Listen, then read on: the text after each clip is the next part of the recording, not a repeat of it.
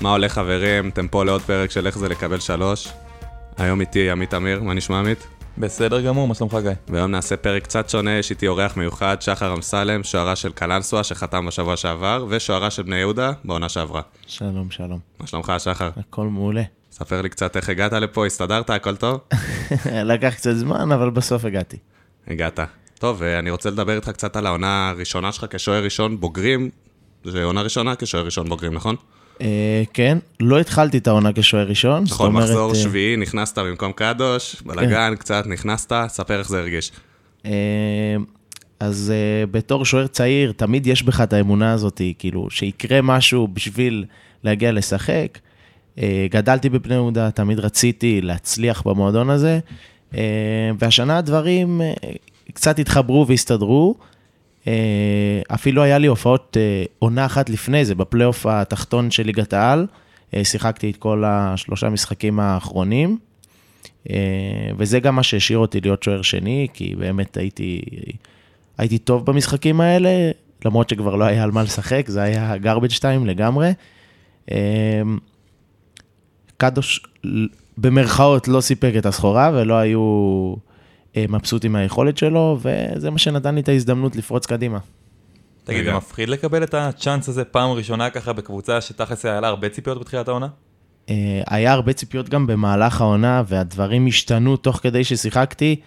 אה, אני זוכר במשחק הראשון לא ישנתי כל הלילה, כאילו מההתרגשות, רק לעלות לשחק, וזה משהו שאתה חולם עליו בתור ילד קטן, כאילו, רק להגיע ו- ולשחק וליהנות באמת מהכדורגל. ולראות את ההורים ביציע קצת. הורים, חברים, הרבה היו. פתאום אתה רואה את עצמך בטלוויזיה, משחק וזה.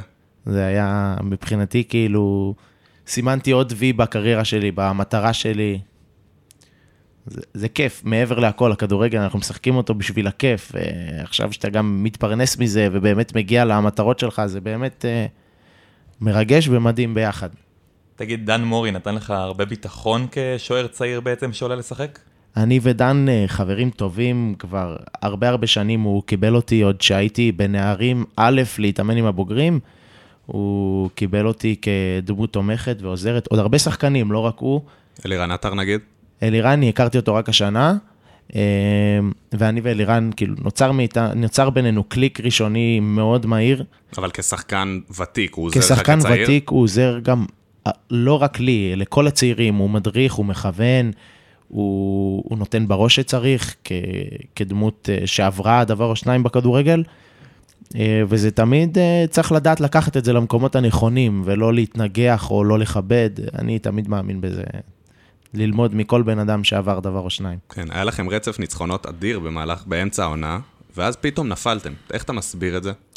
אני חושב שאחרי הניצחונות, היינו באיזה פיק שכבר הגענו למקום הראשון, ופתאום כאילו הרגשנו כזאתי, מין זכיחות כזאתי. כאילו עשינו את שלנו, אנחנו מפה עולים ליגה, אף אחד לא יכול להזיז אותנו, וזה גם מה שהפיל אותנו כל כך הרבה, ואז הקבוצה נכנסה לכל כך הרבה מערבולות. אני זוכר, זה הנקודת מפנה התחילה בהפסד לראשון, ראשון לציון, בחוץ, הפסדנו 2-0, ובאמת הרגשנו כאילו לא עברנו את החצי, ואנחנו קבוצה שהיינו צריכים במרכאות לדרוס את הליגה. זה היה הציפייה. לא עברנו את החצי, ושם אני אישית, כאילו, אמרתי לעצמי, מה זה, איך זה יכול להיות הבדלי רמות? לפני שבוע, כאילו, הבסנו קבוצות, ועכשיו אתה ככה, ומשם התחיל מערבולת של כל כך הרבה דברים. אה, ואחרי כמה מחזורים גם המאמן התחלף, והביאו רכש שלא פגע בשום צורה. דברים לא, לא הלכו כמו שציפו שהם ילכו. אה, אני רוצה להחזיר אותך רגע טיפה אחורה ל... אולי שיא של כל הרצף ניצחונות והמשחקים הטובים, המשחק נגד הפועל תל אביב בעצם בגביע המדינה. אה, זה היה ניצחון באמת שהפתיע המון אנשים, גם זה היה תוך כדי כל השיא שלכם, גם לך אישית היה שם הצלות גדולות. תיקח אותי רגע לתחושה שלך שם כשוער צעיר. קודם כל, אני, ברגע שהודיעו ההגרלה שהיה נגד הפועל תל אביב, אני מבחינתי, כאילו, זו ההזדמנות שלי לבוא ולהוכיח שאני שווה בין שווים, שאני ברמה של ליגת העל, שאני יכול לעשות דבר או שניים בכדורגל, אה, והתכוננתי למשחק הזה באמת כל היום הראש עבד, ווידאוים על הפועל תל אביב, ואתה בתור שוער כבר מתכונן לפנדלים, ומי בועט, ולאן בועט. אתה כאילו, ידעתי הכל על כל שחקן, ברמה כזאת, לאן כל שחקן ייקח את הבעיטה, ואיזה תנועות גוף הוא עושה. אני אישית ככה מתכונן למשחקים, גם משחקים בלי קשר בליגה, הייתי מתכונן ככה. אה, זה היה ניצחון, כאילו, עבור, אני מאוד התרגשתי. אני חושב ששם, שם זה, זה היה מתוק, וגם קצת גרם לנו להרגיש שאנחנו מעל הליגה, ומשם גם התחילה הנפילה שלנו ללמטה. אני חושב שזה היה כביכול, במרכאות, די טעות, הניצחון הזה. אבל אה, זה מה שגרם לכם לנפילה? אה, זה חלק ממה שגרם לנו, מהזכיחות יתר הזאת, שבואנה, ניצחנו את ליגת העל, כאילו, מה זה ליגה לאומית עכשיו? מה הרגישו אבל בחדר הלבשה? שחקנים, מאמנים, מאמן? אה, תשמע, מאמן יוסי הוא תמיד אה, ברמה אחת מעל הליגה הלאומית. זה שהוא בכלל ירד לליגה הלאומית, זה היה הפתעה עבור כולנו. לגמרי. והכדורגל שלו הוא מתאים לרמות של ליגת העל, מתאים לרמות הגבוהות האלה, וזה בא לידי ביטוי כל פעם ששיחקנו גם במשחקי אימון נגד קבוצות ליגת העל, תמיד ניצחנו, אם זה ביתר בתחילת עונה, ו... והנה הפועל תל אביב בגביע, זה כאילו, שטפנו את המגרש, זה משחק שאף אחד לא ציפה שנעשה. וגם תפסנו את הפועל באיזושהי תקופה שהם היו ככה קצת מעורערים, לפני שהחליפו את המאמן שם, אם אני לא טועה. אז כאילו, כל הדברים התחברו למשחק אחד. אז בעצם אחרי אותו משחק שהזכרת מול ראשון לציון, אה, יצאתם לרצף של שישה משחקים שהשגתם בו נקודה אחת. אה, אחרי שאתה כבר חודש, חודשיים נמצא בתוך הסחרור הזה, איך אה, לא מצאתם את הדרך לצאת מזה, איכשהו לשנות את האווירה, לשנות את התחושה במועדון? אז ניסו בינואר להביא רכש כזה או אחר, שהיו בטוחים שאולי להביא שחקנים חדשים, לחדש, לרענן את הסגל, זה משהו שירים אותנו עוד למעלה, וזה לא עבד, זה לא פגע. הביאו שחקנים שעל הנייר מוכחים בליגת העל, ועוד זר ששיחק ב, באחת המדינות הסקנדינביות, אני לא זוכר, והוא, ודברים לא התחברו, דברים לא פגעו, וכולם נשאבו לתוך לופ של הקבוצה, וכולם נראו רע, וכבר היה קשה לצאת מזה, כי כבר כולם היו באותה סירה, זה... לא היה אחד שבא ורומם את הקבוצה. איך הייתה התחושה שלך אישית בתקופה הזאת? אני, אני לקחתי מאוד קשה, כל הפסד, אני, היה קשה לי מאוד להתמודד עם זה בבית, ב, ב, אני, יש לי ביקורת עצמית מאוד גבוהה, אני אוהב להסתכל על הדברים כמו שהם ולהגיד את האמת, אם עשיתי טעות, להרים את היד, להגיד טעות שלי, בוא נתקדם הלאה, לפחות ככה אני. אה, הרבה שחקנים השליכו כל מיני האשמות לעבר שחקנים אחרים, הדברים, זה דברים שיוצרים סוג של אנטי גם בחדר הלבשה, אחד כלפי השני, ונוצר איזשהו מצב לא, לא נעים ולא כיף עבור כולם, ואתה אוטומטית יורד ביכולת, אין, אין, אין בלוף בכדורגל. מה הרגע הכי טוב שלך העונה? אה, אני חושב שהניצחון על הפועל תל אביב, זה היה מבחינתי משחק אדיר אישית.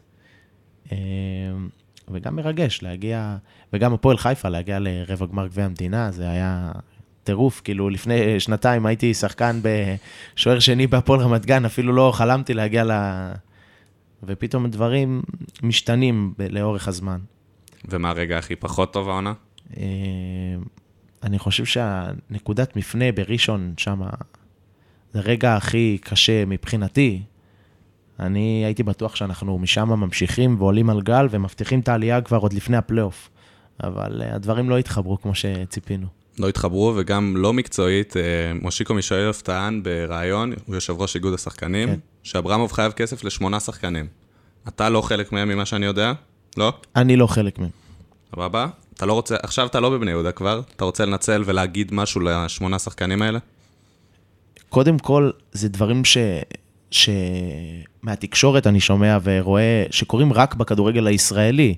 אני לא מבין, אה, זה כמו שבן אדם עכשיו, אתה תלך לעבודה ולא ישלמו לך משכורת כי החליטו.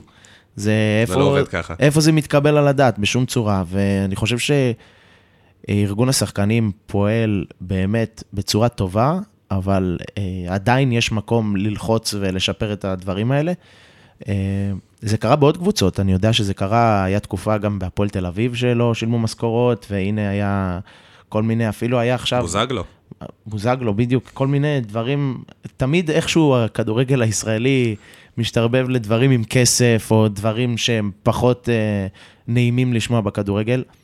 אני אישית לא, לא מקבל את זה ולא מבין את זה, כי בסופו של דבר, אה, כל בן אדם שילך לעבוד ולא יקבל את הכסף שלו, ילך לבית משפט, יתבע ויקבל את הכסף שלו, ובכדורגל אתה גם מפחד לעשות את זה, כי אתה מפחד על הקריירה שלך, שיצא לך שם רע של אחד שמחפש ותובע וכל מיני דברים כאלה. אפרופו שם רע, עלו טענות נגדך אה, מאברמוב, שהשקעת כספים של שחקנים, ושזה גרם לירידה ביכולת של, שלכם כקבוצה ושלך אישית. אז uh, השבוע התראיינתי בספורט 5, כפי שהרבה ראו, uh, וסיפרתי את הסיפור האמיתי. זה דברים שהוצאו מהקשרם ברמה שאני לא מצליח להבין למה ואיזה סיבה. אה, כאילו הוא נטפל אליך? אה, לא יודע אם רק אליי, לעוד הרבה שחקנים, כי באותו יום שהכתבה הזאת ספציפית יצאה, יצא גם על אור זהבי, שהסוכן שלו ביקש סכומים, ואם לא, הוא יזייף פציעה, ויצא ללירן עטר שזייף פציעה, אז כאילו, כבר אנשים לקחו את זה בסוג של אה, הלצה והומור, כאילו למצוא, לחפש את האשמים, אבל להוריד את האשמה ממך. וזה... תשמע, אני, אני לא מבין את הסיבה של לעשות את זה. אין בזה שום, אה, שום דבר שיוריד מהכבוד לקום בתור בעל קבוצה ולהגיד נכשלתי. זה טעות שלי, שחקנים לא פגעו כמו שרציתי, אה, הדברים לא הסתדרו כמו שרציתי. אני השקעתי, אני מבחינתו, הוא השקיע, שם את הכסף, נתן לכל אחד כל מה שהוא רצה, והדברים לא התחברו ולא הסתדרו. אתה חושב שהוא מתנער מאחריות? בהאשמות האלה? אני לא יודע אם הוא מתנער מאחריות באופן מלא, אבל uh, בתור מנהל ובעלים, יש לו את הזכות גם להגיד את הביקורת שלו בצורה שלו, כמו כל בוס אחר, שאם מביא עובד והעובד לא מתאים או לא טוב, יכול לשלוח, יש לו את הזכות להעביר עליו ביקורת ולשלוח אותו הביתה. אבל uh, פה אני באמת לא, לא יודע למה הדברים uh, בצורה תקשורתית נעשו ככה. כי יש דרך לכל דבר, וגם אם יש לך ביקורת על שחקן, אין בעיה להעביר את הביקורת הזאת, אבל לא בצורה כל כך חריפה ומגנה, שאפילו יכולה להרוס קריירה ולהתנקם. כן, זה כתם? זה כתם חד משמעית. אה, אמרתי גם בריאיון, זה לא שלא הרגשתי את זה במהלך החלון העברות הזה, אה, אבל עדיין, צריך להתקדם הלאה, להתעסק רק בכדורגל. זה פחות מה שמעניין אותי, אה, להתעסק בדברים האלה, בלמה ולמה. אני יודע שאני בא לעשות את העבודה שלי, להתעסק בכדורגל, ולשם אני מכוון את הראש. אני אשאל אותך שאלה אחרונה על אברמוב, הוא כנראה היה בעלים של ביתר, מה אתה חושב על זה, אישית? אה, אני חושב שביתר זה לא בני יהודה, וההתמודדות שיש לו עם הקהל של בני יהודה, שנוצר שם איזשהו קצר, אני לא יודע על מה, אני גם לא נכנס לפרטים, אני חושב שבבני יהודה יש קהל מדהים שמחיה את הקבוצה והוכיח אה, במקומות הגדולים שהוא קהל אדיר, להביא לחצי גמר גביע 12-10 אלף אוהדים זה, זה לא כל קבוצה יכולה לעשות את זה. אה, הקהל שם הוא הרבה יותר מתערב, הוא הרבה יותר קשה, הוא קהל טוב, אבל הוא רוצה לשלוט בהרבה דברים, אה, ואני מקווה שההתמודדות שלו שם תהיה קלה יותר, אה, ושהוא ילך בדרכם כביכול, כי ראינו כל, כל בעל בית שניסה להתנגח בעצם עם האוהדים של ביתר, הוא, הוא לא הצליח והוא לא הבין שזה דברים שהם מרימים את הקבוצה, שהקהל זה בסופו של דבר גם כספית וגם אה, מורלית, רוחנית לקבוצה, זה דבר חשוב, והקהל של ביתר קהל אדיר. תגיד, השבר הזה כביכול, שהיה העונה לאוהדי בני יהודה בעצם עם המועדון, זה משהו שאתה חושב שהיה לו השפעה על החוסר היכולת שלכם בעצם לקום מהתקופה הרעה? אה, יכול להיות שקהל היה מרים אותנו למקומות אחרים, הקהל של בני יהודה הוא באמת קהל טוב, זה קהל שגדל על המועדון, שחי את המועדון. את, אתם צריכים לראות, כאילו, שהמועדון מצליח בתור ילד צעיר. אתה גדלת כאוהד בני יהודה או לא? אני גדלתי כאוהד בני יהודה, יש לי אפילו תמונות בטלפון להראות לכם כאוהד מהעלייה שהייתה וואו. עוד בירידה השנייה, כאילו, מבחינתי, אני שמתי לעצמי את התמונה הזאת כל השנה בראש, ואמרתי לעצמי, אם אני עולה ליגה, זה כאילו סגירת מעגל עבורי, כאילו...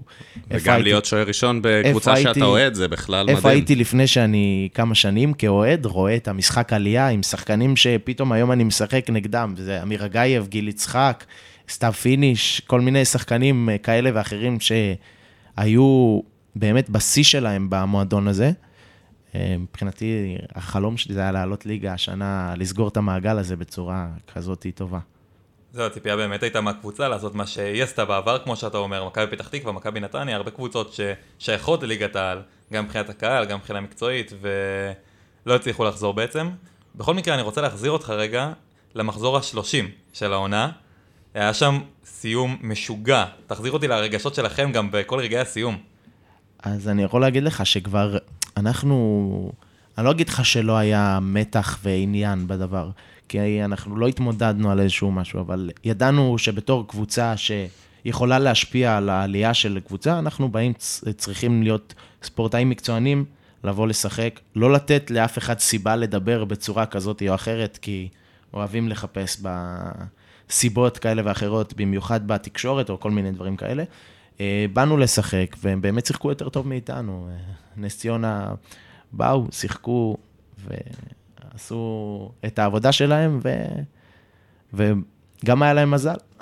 כפר סבא היו טובים יותר מכפר קאסם, וזה מה שהכתיב את העלייה. לא, אני רוצה לדבר איתך על הסיום פלייאוף עליון. סיום פלייאוף, אה, נגד עכו. כן, על זה דבר. על זה אתם מדברים. גם הסיום היה מטורף. אני הייתי במשחק של כן? נס ציונה, וואו. הסיום אה, היה היה פסיכי. שייך לפרמייר ליג, לא כן. לפה. זהו, בעצם אני רק מחבר, העונה האחרונה של ה... המחזור האחרון של העונה הסדירה, כן. בעצם אה, היו כמה קבוצות שנאבקו על הפלייאוף, ועכו ובני יהודה סיימו שם באחד-אחד עם שני שערים שהיו ממש בדקות האחרונות. נכון. ושער דווקא במגרש אחר, בין רמת גן לראשון לציון, בפנדל בדקה ה-96, הכריע את העלייה. נכון. ספר לנו קצת. אז אה, המשחק בעכו, הבנו את החשיבות שלו ברמה של פלייאוף, לעלות לפלייאוף.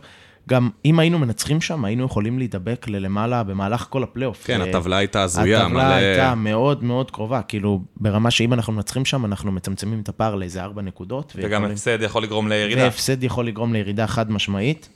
זה כאילו משהו שלא קרה בליגה, לפחות מה שאני זוכר, ואני מכיר את הליגה הזאת שלוש, ארבע שנים כמעט. אה, הגענו למשחק חשוב, שהדברים, שיחקנו באמת טוב. ואני זוכר הרבה בעיטות לשער והרבה בעיטות למסגרת שלא נכנסו כאילו כל מיני הצלות מהקו ודברים כאלה, ופתאום אה, דקה 86, אם אני לא טועה, היה הגול של אה, פדידה, שנכנס חילוף. מבחינתי זה היה כאילו, יואו, אנחנו יכולים לעשות משהו גדול, בוא נשמור על זה ארבע דקות ובוא נצא מפה. ופתאום, אה, אחרי שתי דקות, בערך דקה 89 או 90, מקבלים גול הזוי מכלום, כלום ושום דבר, ונכנסים להלם, שלא מצליחים להגיב למשחק. ואתם מודעים בדקות האלה למה שקורה במקרה השני? לא מודעים בשום צורה, בשום צורה. אני זוכר את התחושות אחרי הגול שקיבלנו, כאילו, מה, זה, זה, זה, זהו, כאילו, אנחנו פלייאוף תחת, אין לאן לברוח. אם אנחנו לא נעשה גול עכשיו, אין לאן לברוח. ואז אני זוכר, היה דקה 93, אה, היה להם חוץ, ואיזה שחקן שלהם עבר שחקן אחד, ועוד שחקן, ועוד שחקן, ואז הגיע למצב שהם, אני אחד על אחד מולו, ועוד שחקן מחכה ברוחב, ושחקן שלנו, דן מורי, אם אני לא טועה, בצד וחצי פיגור אחרי השחקן שלהם. ואמרתי, טוב, אם הוא מוציא רוחב, אני, אנחנו זהו, אנחנו על סף ירידת ליגה. ואני זוכר שאמרתי, טוב, אני פותח את הגוף ומה שיקרה יקרה, והוא בעט עליי את הכדור, והתוצאה נשארה 1-1, ואז אנחנו יורדים מהמשחק, שאני בטוח שזהו, אנחנו פלייאוף תחתון, זה לא משנה הצלה, זה לא משנה כלום, ופתאום יושבים בחדר הלבשה, כולם עם פלאפונים, דקה 97, פנדל בהפועל רמת גן, אתה מנסה להתקשר למי שבבית ואין קליטה, ואתה כולך כאילו, אתה עומד לזכות בלעלות לצ'מפיונס, ואז אה, מדווחים לנו שמיקו ממן שם את הפנדל, דקה 97. חגיגות ענק. היה חגיגות, אני לא יודע אם זה התאים לסיטואציה בדיעבד, אני זוכר אפילו שברק כעס על זה טיפה, וגם הוא היה, כאילו, נכנס לחדר הלבשה ועלה לו חיוך לשנייה, חיוך של נחת. אמ, ואני חושב שגם מזל צריך בכדורגל, אין מה... זה היופי שבכדורגל, אתה לא יכול לדעת מה יקרה עד השנייה האחרונה של המשחק. לגמרי. אה, חתמת בקל... נעבור לקלנסווה, קצת יותר מקצועי. חתמת בעולה החדשה שבוע שעבר, עולה חדשה לליגה א'. אתה מיועד לפתוח את העונה כשוער ראשון, פעם ראשונה באמת לפתוח כשוער ראשון בבוגרים. ספר לי על זה. אה, אתה מרגיש מוכן לזה? זו השאלה. אני מרגיש מוכן, חד משמעית. אני...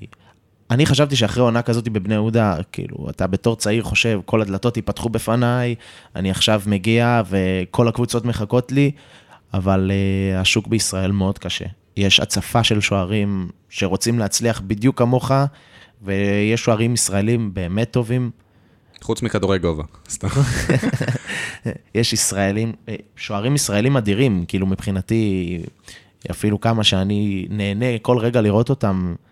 אה, ואני חושב שהשוער הצעיר הישראלי לא מקבל הרבה הזדמנויות. כמו כל השחקנים מה ש- הישראלים הצעירים, כן. לא רק שוערים. מה שקורה לאיזושהי הצפה בליגה השנייה של שוערים, שכולם, על כל עמדה אחת יש לך איזה ארבעה, חמישה שהם מתחרים, וסוכנים שאוכלים אחד את השני, ומציעים כל מיני הצעות כאלה ואחרות בשביל רק לדחוף את השחקנים שלהם.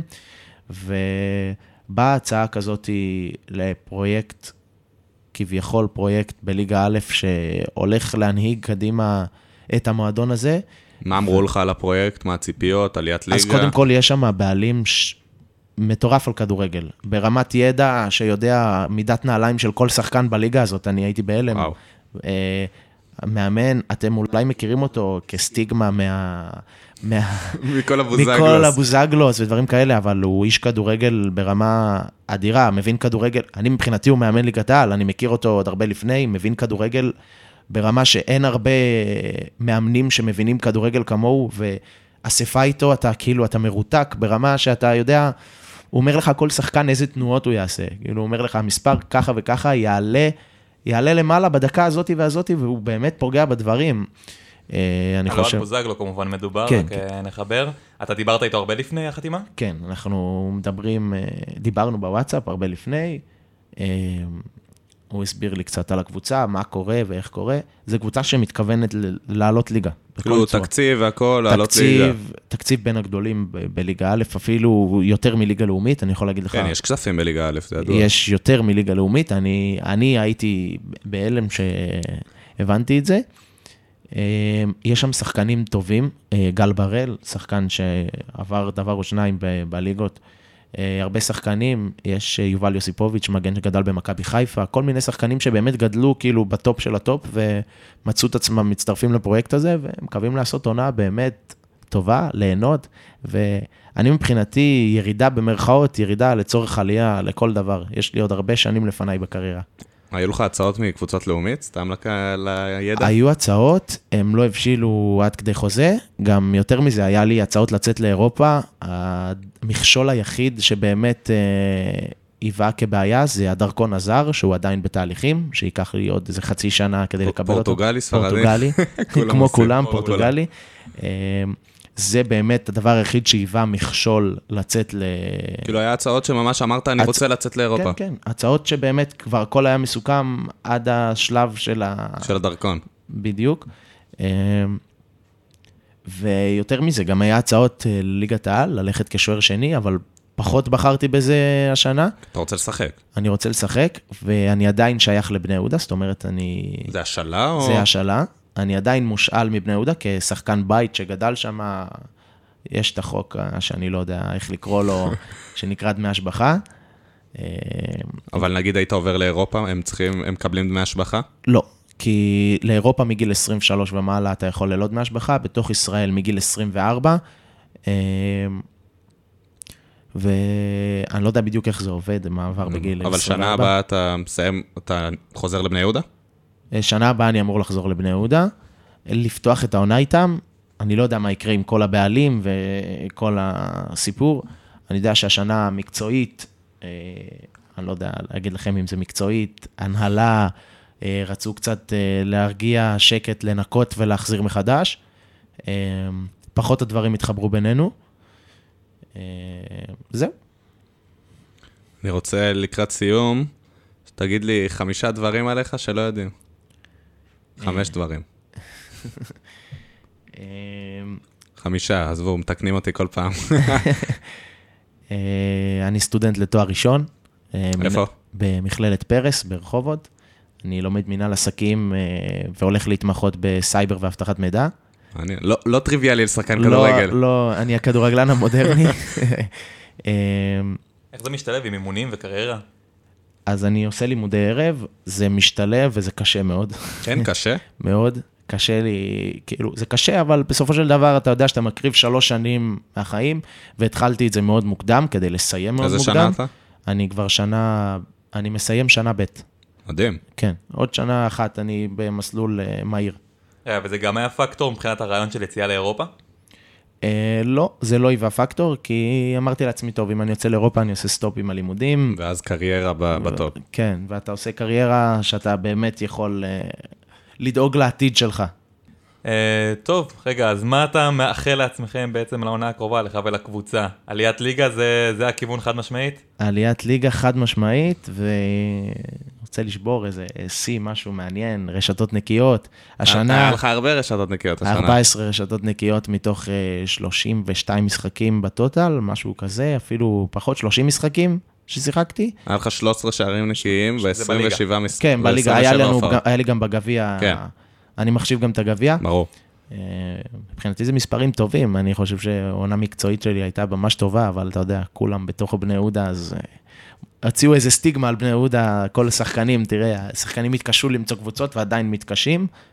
אה, אבל מוצאים. מוציאים, יש סוכנים טובים. הנה, תפרגן לסוכן שלך. טוב, אה, הגענו לסיומו של עוד פרק של איך זה לקבל שלוש. ספוטיפיי, אפל, מה שאתם רוצים, תלחצו על הפעמון. תודה רבה שהאזנתם. שחר, המון תודה שהגעת תודה, להתארח. תודה לכם, היה באמת נדיר. תודה לכם. יאללה, להתראות.